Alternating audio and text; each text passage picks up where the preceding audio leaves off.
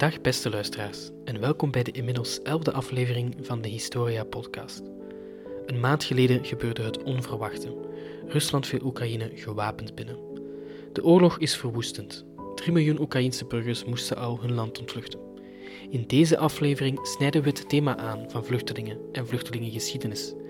Te gast is dokter Sarah Kozemans, die onlangs haar doctoraat afrondde binnen dat thema. Op het einde stellen we haar ook een paar van jullie publieksvragen. We wensen jullie heel veel luisterplezier.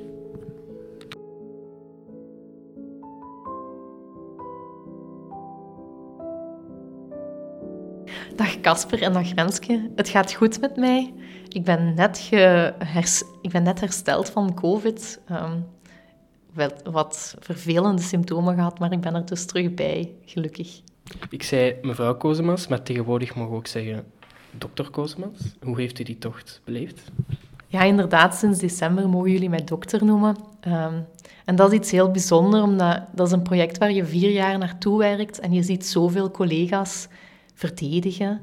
En ik heb daar altijd met heel veel bewondering naar gekeken. En opeens was het dan aan mij en dat voelde bijna onwezenlijk. En het, de eerste maanden nadat ik het project had ingediend, was ik bijna in rouw, omdat ik het had moeten loslaten, omdat het klaar was. Ehm, en dan komt die ontlading, dan mag je dat gaan verdedigen in een semi-publiek event. Dan krijg je daarna al die commentaren daarop van anderen en dat is fenomenaal. En ja, er verandert helemaal niks, omdat je titel verandert. Maar ehm, ja, de beleving is toch wel uh, helemaal anders. En um, nu komt dan de volgende stap en dan mag je gaan nadenken over hoe ga ik dat aan een nog breder publiek presenteren. En dat is echt heel fijn. En daarvoor bent u welkom op de podcast natuurlijk. Hè. We moeten het niet inleiden. Een maand geleden gebeurde het onverwachte. Um, Rusland viel Oekraïne binnen. De oorlog is inmiddels verwoestend. Al bijna 3 miljoen Oekraïnse burgers hebben hun land moeten ontvluchten. De VN heeft die vluchtelingenstroom inmiddels al de grootste sinds Wereldoorlog 2 genoemd. Nu, historisch gezien, klopt dat ook? Ja, dat is een beetje moeilijk te zeggen. Um, eerst en vooral is die vluchtelingencrisis nog in volle ontwikkeling. Dus we weten eigenlijk nog niet waar dat die gaat landen, om het zo maar te zeggen. En ik ben altijd een klein beetje voorzichtig als de VN over de grootste ooit spreekt, want dat is een soort van terugkerend patroon. Bij de Syrische vluchtelingencrisis spraken ze ook over de grootste ooit. En tot dusver is die nog altijd groter dan hetgene wat er vandaag aan de hand is. Um, maar die op, dat opbod dat de VN doet, um, dat is niet altijd heel nuttig voor de uitkomsten die ze verwachten. Ze zeggen dat omdat ze hopen op grote humanitaire steun, maar dat is niet altijd het geval. Integendeel zelfs, soms zorgt dat er ook voor dat er weerstand ontstaat tegen zo'n groep, waar er in oorspronkelijke eh, omstandigheden eigenlijk wel solidariteit is, kan dat debat van, ja, het is het grootste, of die claim, het is het grootste, kan dat er net voor zorgen dat naties zich gaan sluiten. En in die zin ben ik daar altijd super voorzichtig mee. Um, daarnaast staat ook historisch gezien het feit dat we dat dat we dat eigenlijk niet goed kunnen meten. Want de cijfers waar ze vandaag mee naar voren komen, dat zijn hele andere gegevens dan bijvoorbeeld al waar ze de Tweede Wereldoorlog mee hebben geëvalueerd. Dus dat is appelen met peren vergelijken en um, zij zijn daar zelf ook nooit heel transparant over. Dus heel veel historici, en zeker um, de Schotse historicus Benjamin Thomas White, die hebben zich echt heel kritisch uitgesproken daartegen, omdat het eigenlijk enerzijds ja, onmogelijk is om die uitspraak te doen, en anderzijds net het tegenovergestelde beoogt, uh, net het tegenovergestelde veroorzaakt wat het beoogt. Dus ja, ik vind dat een gevaarlijke uitspraak om te doen. De VN-vluchtelingenorganisatie heeft een mandaat om overal ter wereld waar dat mensen niet meer kunnen rekenen op bescherming van hun eigen staat, die mensen te gaan bescherming bieden. Wat, wat betekent dat concreet? Als jij niet meer in je eigen land kan verblijven, dan, en er ook niet meer naar terug kan keren, dan wordt jouw paspoort waardeloos. Want jouw staat kan niet meer garant voor jou staan. Jouw paspoort is eigenlijk jouw bewijs waarmee jij op ieder consulaat in de wereld kan claimen dat je burger bent van een bepaald land. Als dat land die verantwoordelijkheid voor jou niet meer wilt nemen of niet meer kan nemen, dan is die connectie weg en dan ben je dus ja, globaal gezien, internationaal gezien, veel minder mobiel. Dus de VN-vluchtelingenorganisatie, wat dat die doet, is jou iets geven, een statuut geven, dat jouw nationaal statuut vervangt. Dat is haar opdracht. En die opdracht is om staten ertoe te verbinden om mensen in die situatie een tijdelijk statuut toe te kennen, want in ons huidige vluchtelingensysteem ligt die verantwoordelijkheid, die ultieme verantwoordelijkheid bij de staten. En dus de rol van de VN zou moeten zijn op ieder moment van een crisis om de wereldwijde gemeenschap van natiestaten aan te moedigen, zelfs misschien te verplichten, om die beschermingstaak serieus te nemen. En dat doe je niet door statements te doen over de grootste of de meeste. Integendeel, dat doe je door diplomatiek werk te doen en heel sterk on the ground um, ja, een draagvlak te creëren binnen, binnen beleid om vluchtelingen bescherming te bieden. Maar dat is natuurlijk enorm, enorm moeilijk. En we zien doorheen de geschiedenis, sinds het ontstaan in 1950 van de huidige VN-vluchtelingenorganisatie, is dat iets waar zij enorm mee worstelen, waar zij niet echt super succesvol in zijn. Maar het is wel een organisatie die zichzelf um, incontournabelen heeft gemaakt, mede door die claims dat we steeds grotere vluchtelingenproblemen uh, hebben en dat we steeds... En, en dus zij zijn, een, zij zijn een politieke speler in de zin dat zij zichzelf heel, als heel belangrijk naar voren schuiven. Maar ze zijn niet super succesvol in het vervullen van hun mandaat. En dat is staten ervan overtuigen dat ze die vluchtelingen moeten overnemen of opnemen. Het idee van de vluchteling, zoals we die vandaag kennen, hoe lang bestaat dat eigenlijk al, als we dat historisch bekijken? Het idee van de vluchteling in internationaal recht is eigenlijk een concept wat ontstaan is tussen de twee wereldoorlogen. Um, tussen de twee wereldoorlogen waren er een heel aantal internationale verdragen en is er ook de eerste uh, hoge commissaris voor vluchtelingen aangesteld. Maar de vluchteling werd toen altijd gedefinieerd als behorende tot een bepaalde groep.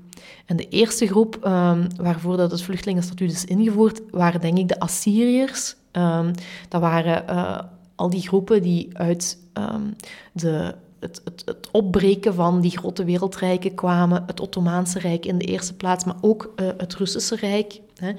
De mensen die daar dus binnen die nieuwe nationale contexten geen bescherming meer konden krijgen, die krijgen als eerste zo'n beschermingsstatuut uh, binnen de Volkerenbond, is dat dan.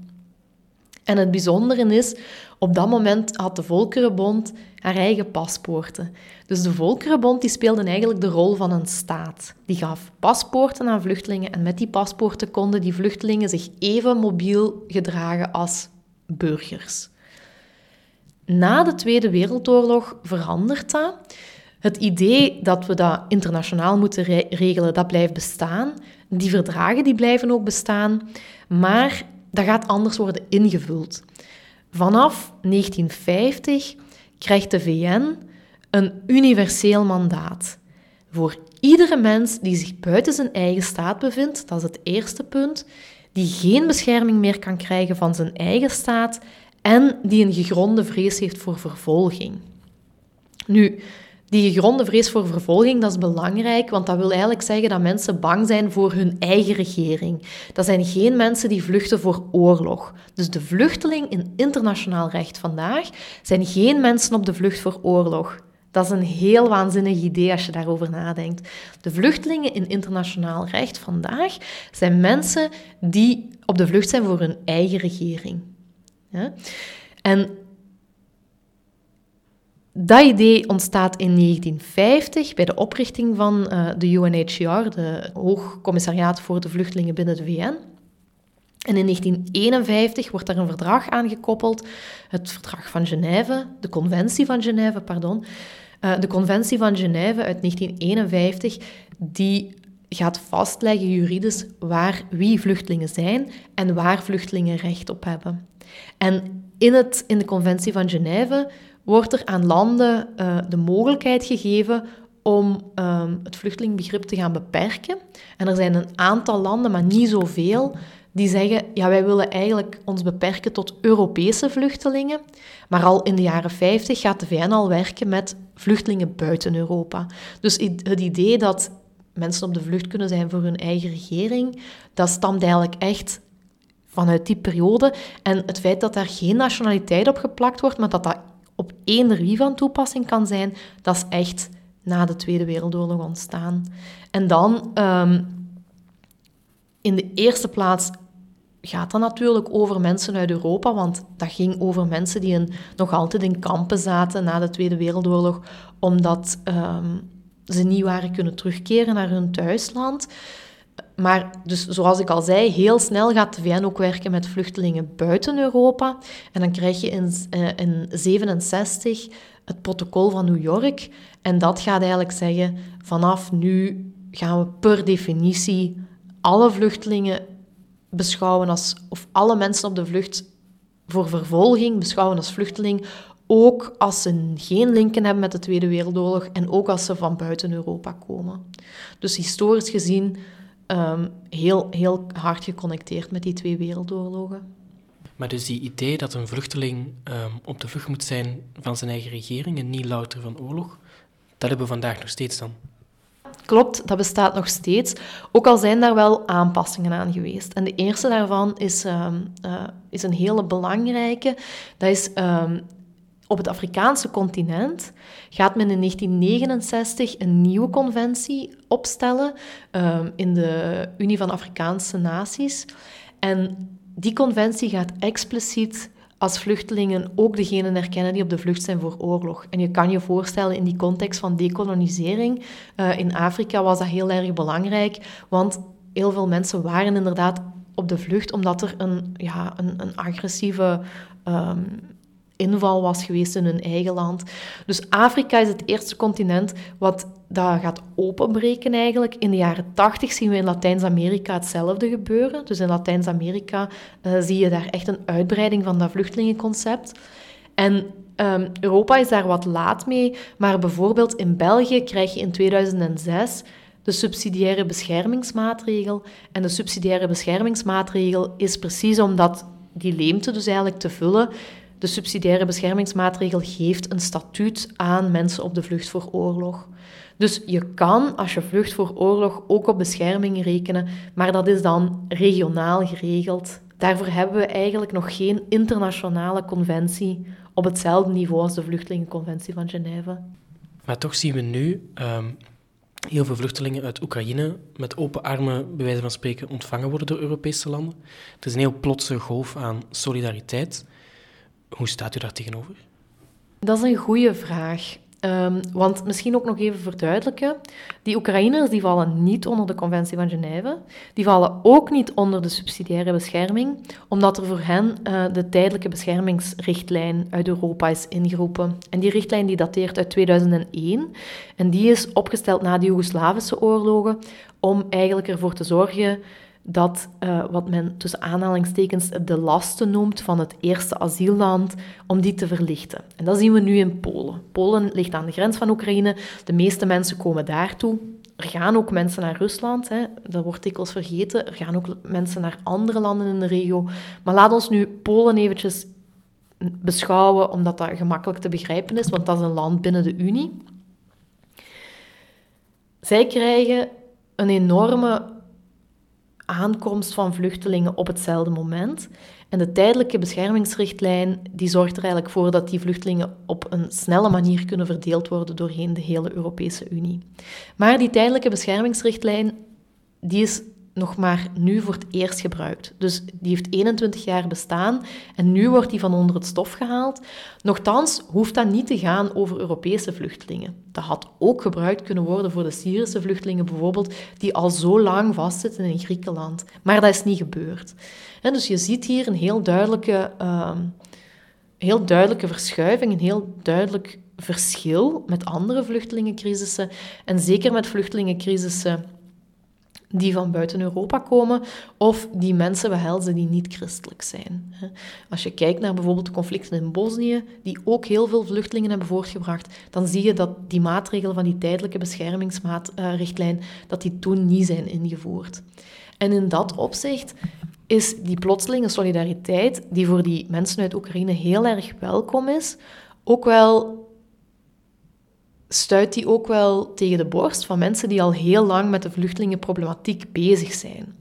Want als het over vluchtelingen ging in de voorbije jaren, dan werd er altijd gezegd: er is geen plaats, we hebben geen capaciteit, dit is ondraaglijk voor onze samenleving. Maar nu opeens blijkt dat eigenlijk heel die retoriek niet klopt, dat dat niet waar is. Er is wel plaats, er is wel, um, ja, er is wel de ruimte om solidair te zijn. En meer nog, um, je ziet hier heel duidelijk dat onderscheid tussen solidariteit die vanuit de bevolking komt, die, herinner u, best groot was, ook voor de Syriërs, toen er mensen in het Maximiliaanpark aan het slapen waren, zijn er ook heel veel burgers geweest die die mensen in huis hebben genomen. Diezelfde solidariteit zien we nu voor de Oekraïners. Die is eigenlijk heel erg aan elkaar gelijklopend. Maar op beleidsniveau is dat een totaal ander verhaal. Want de mensen die Syriërs in huis hebben genomen, die deden niets wat illegaal werd gemaakt op dat moment. Die werden gecriminaliseerd.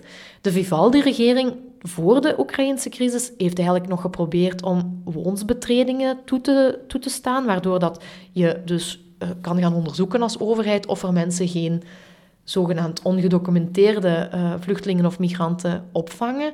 En dus nu opeens komt er een hashtag en uh, wordt dat gestimuleerd binnen de bevolking.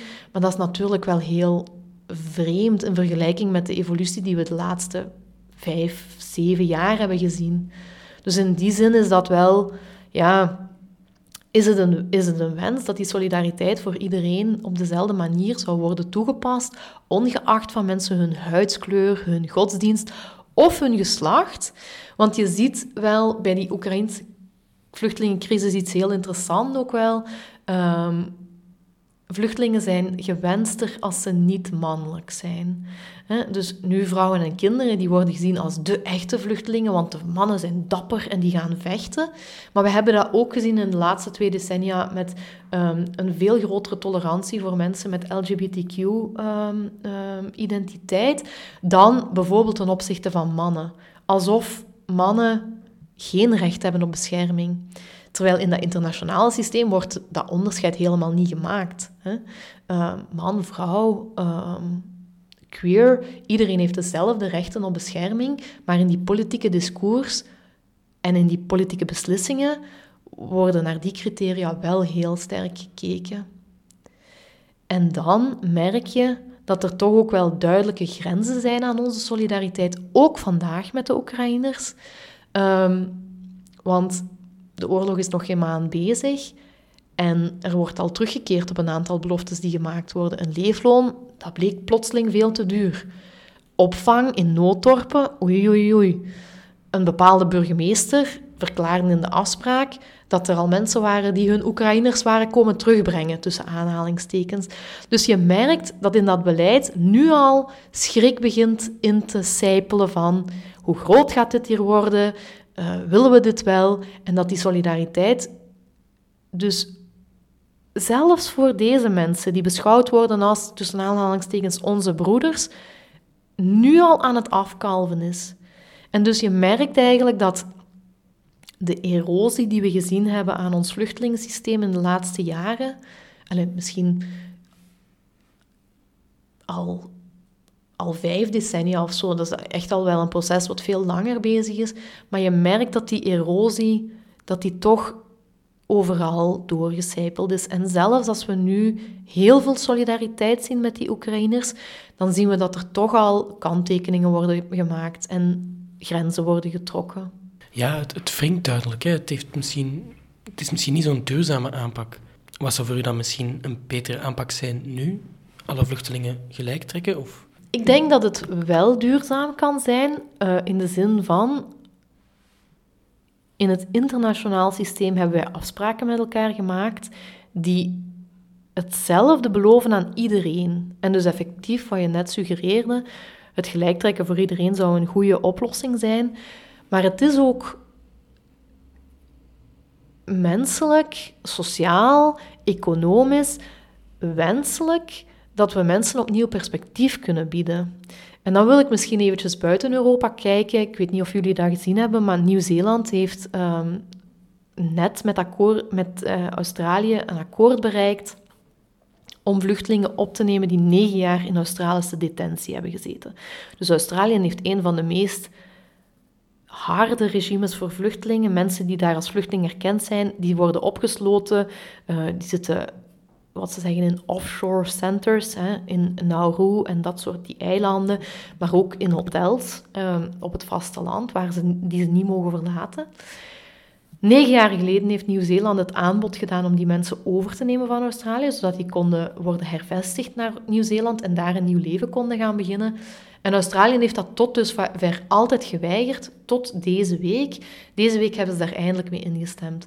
Maar je moet je indenken, dat zijn mensen die daar aangekomen zijn als 15-jarigen, die hebben 9 jaar opgesloten gezeten, die zijn 24, die hebben geen middelbare school afgemaakt, die zijn niet naar de universiteit kunnen gaan. Begin maar eens. Begin maar eens. En dat is crimineel. Wat regeringen die mensen aangedaan heeft, dat is absoluut crimineel. En dat is ook absoluut crimineel als je gaat kijken naar de vluchtelingen die hebben vastgezeten in die Griekse kampen. Allee, daar, zijn, daar is brand geweest, er is overstroming geweest. Dat is mensonwaardig. Dit zijn mensen aan wie dat wij beloofd hebben in 1950 dat ze menswaardige bescherming gingen krijgen.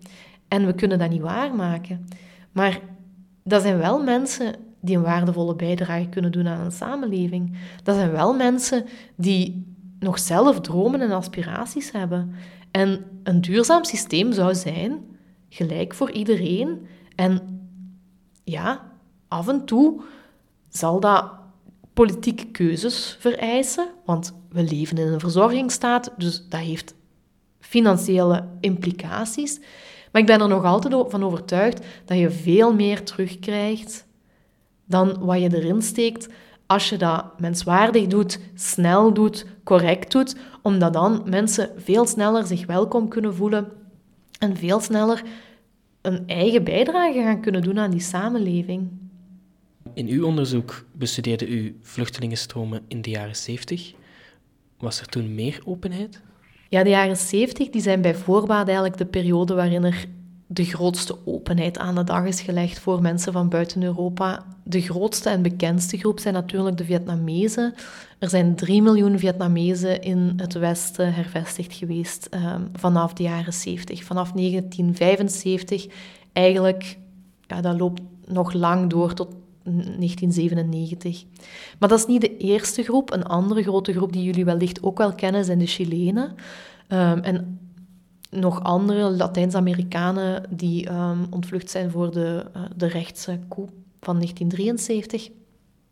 En daarvoor een kleinere, maar belangrijke groep van um, Aziaten die oorspronkelijk afkomstig waren uit Brits-Indië uh, en die oorspronkelijk Britse paspoorten hadden, maar die tijdens de, het Britse Rijk gemigreerd waren naar Oeganda na de onafhankelijkheid uit Oeganda worden verdreven en dan tot de ontdekking komen dat hun Britse paspoorten niet meer veel waard zijn. En zij worden ook hervestigd in 25 landen in, het hele, in de hele westerse en Europese wereld. Maar wat je ziet in, bij die groepen is als je gaat kijken naar hoe dat die ontvangen zijn geweest, dat is misschien echt een schoolvoorbeeld van hoe het zou kunnen zijn om nu het voorbeeld van België te nemen, een van de 25 landen of een van de landen die in iedere crisis een behoorlijke grote rol heeft gespeeld. België was toen best progressief en um, liberaal in wie dat ze toeliet. Die mensen werden ontvangen op hotel, Zon en Zee Westende. Die werden daar een beetje in de watten gelegd, konden bekomen van hun trauma. Um, en van daaruit konden die eigenlijk kiezen waar in de wereld ze naartoe wilden gaan. En dan kwamen de recruteringsteams uit Canada of uit Australië of uit Iran of uit Argentinië. Dat was heel globaal en mensen konden zich dan inschrijven. Maar de Belgische regering heeft zich ook toe verbonden om, die mensen, om een aantal van die families hier te ontvangen.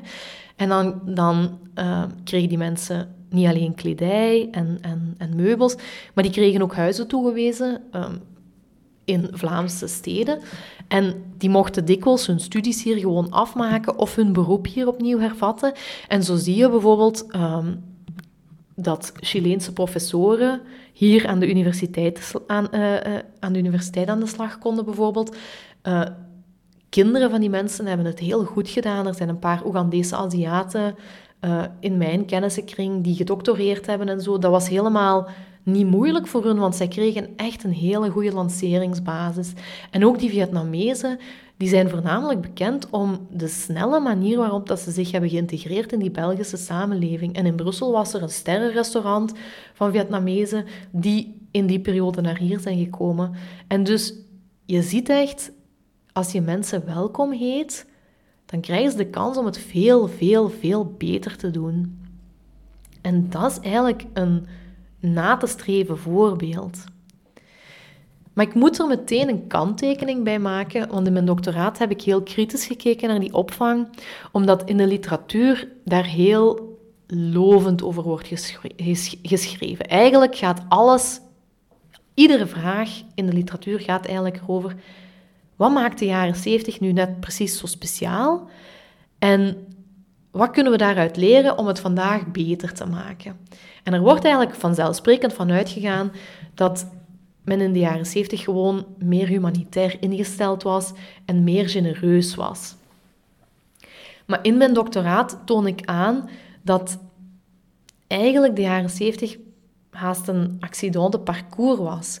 Ze worden eigenlijk door een heel aantal omstandigheden in de wereldpolitiek in snelheid gepakt. De dekolonisatie in Afrika is er daar eentje van. Het verlies van de oorlog in Vietnam is een ander.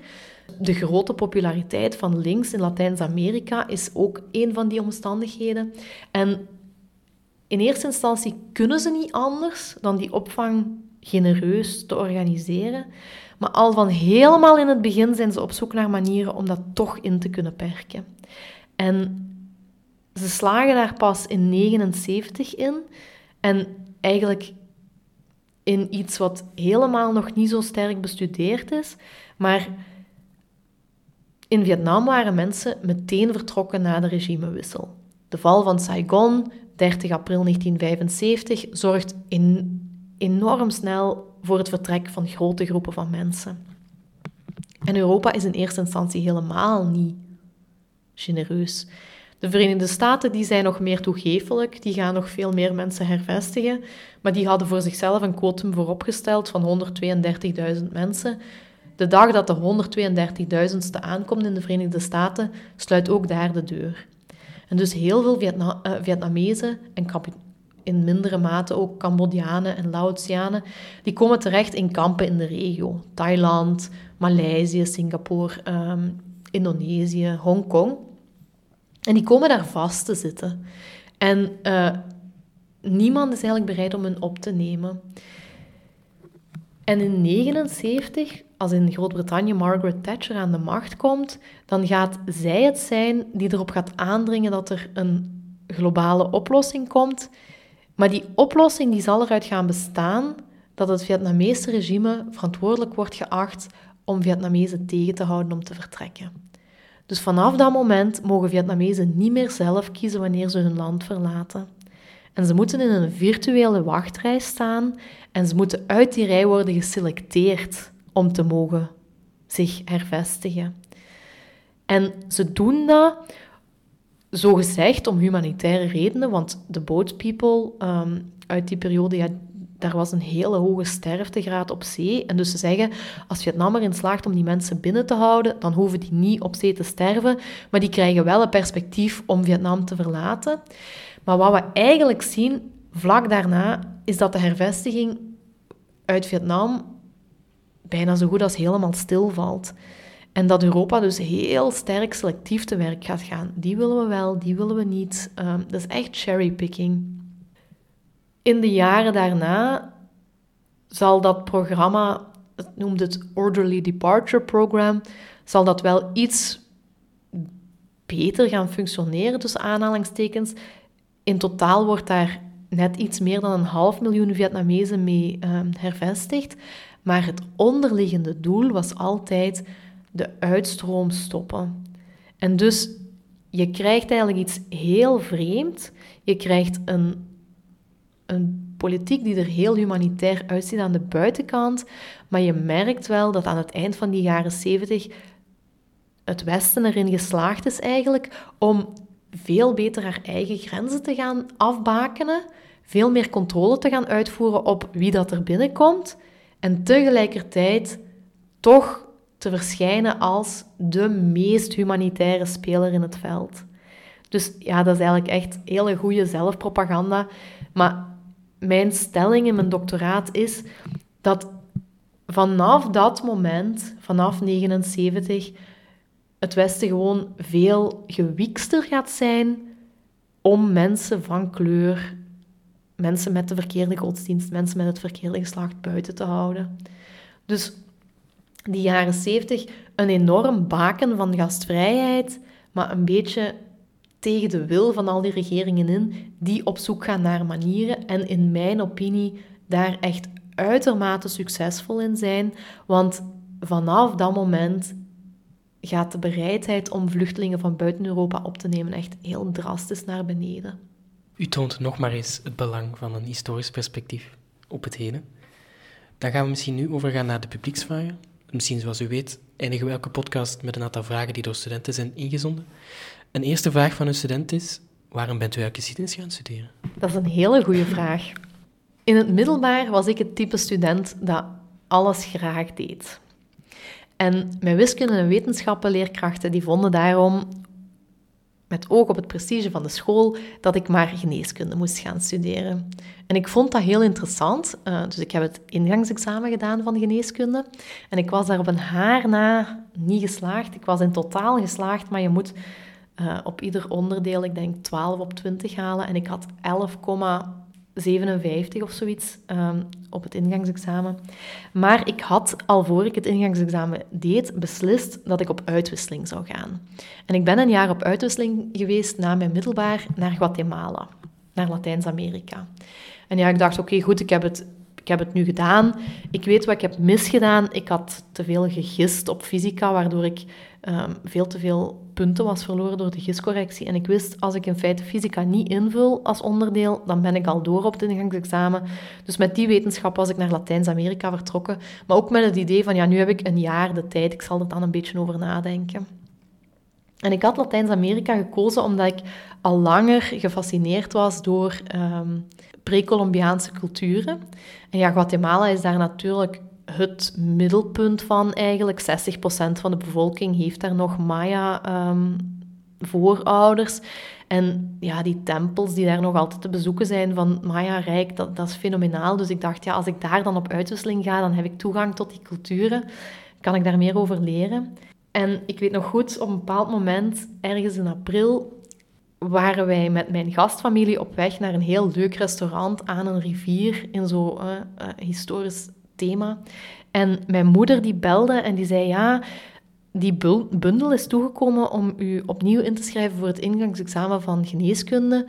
Moet ik dat doen? Zal ik, dat, zal ik die inschrijving voor jou in orde maken? En toen werd ik dus geconfronteerd met het feit dat mijn jaar er bijna op zat en dat ik een beslissing moest gaan maken, een keuze. En toen heb ik tegen haar gezegd, ja kijk, ik zit zelfs um, een uur ben ik op weg en um, in Guatemala rijden de mensen dikwijls rond met passagiers in de laadbak van de pick-up truck. De pick-up, de pick-up, oh. in de laadbak van de pick-up truck. En daar kan je niks tegen elkaar zeggen, want ja, wind en lawaai.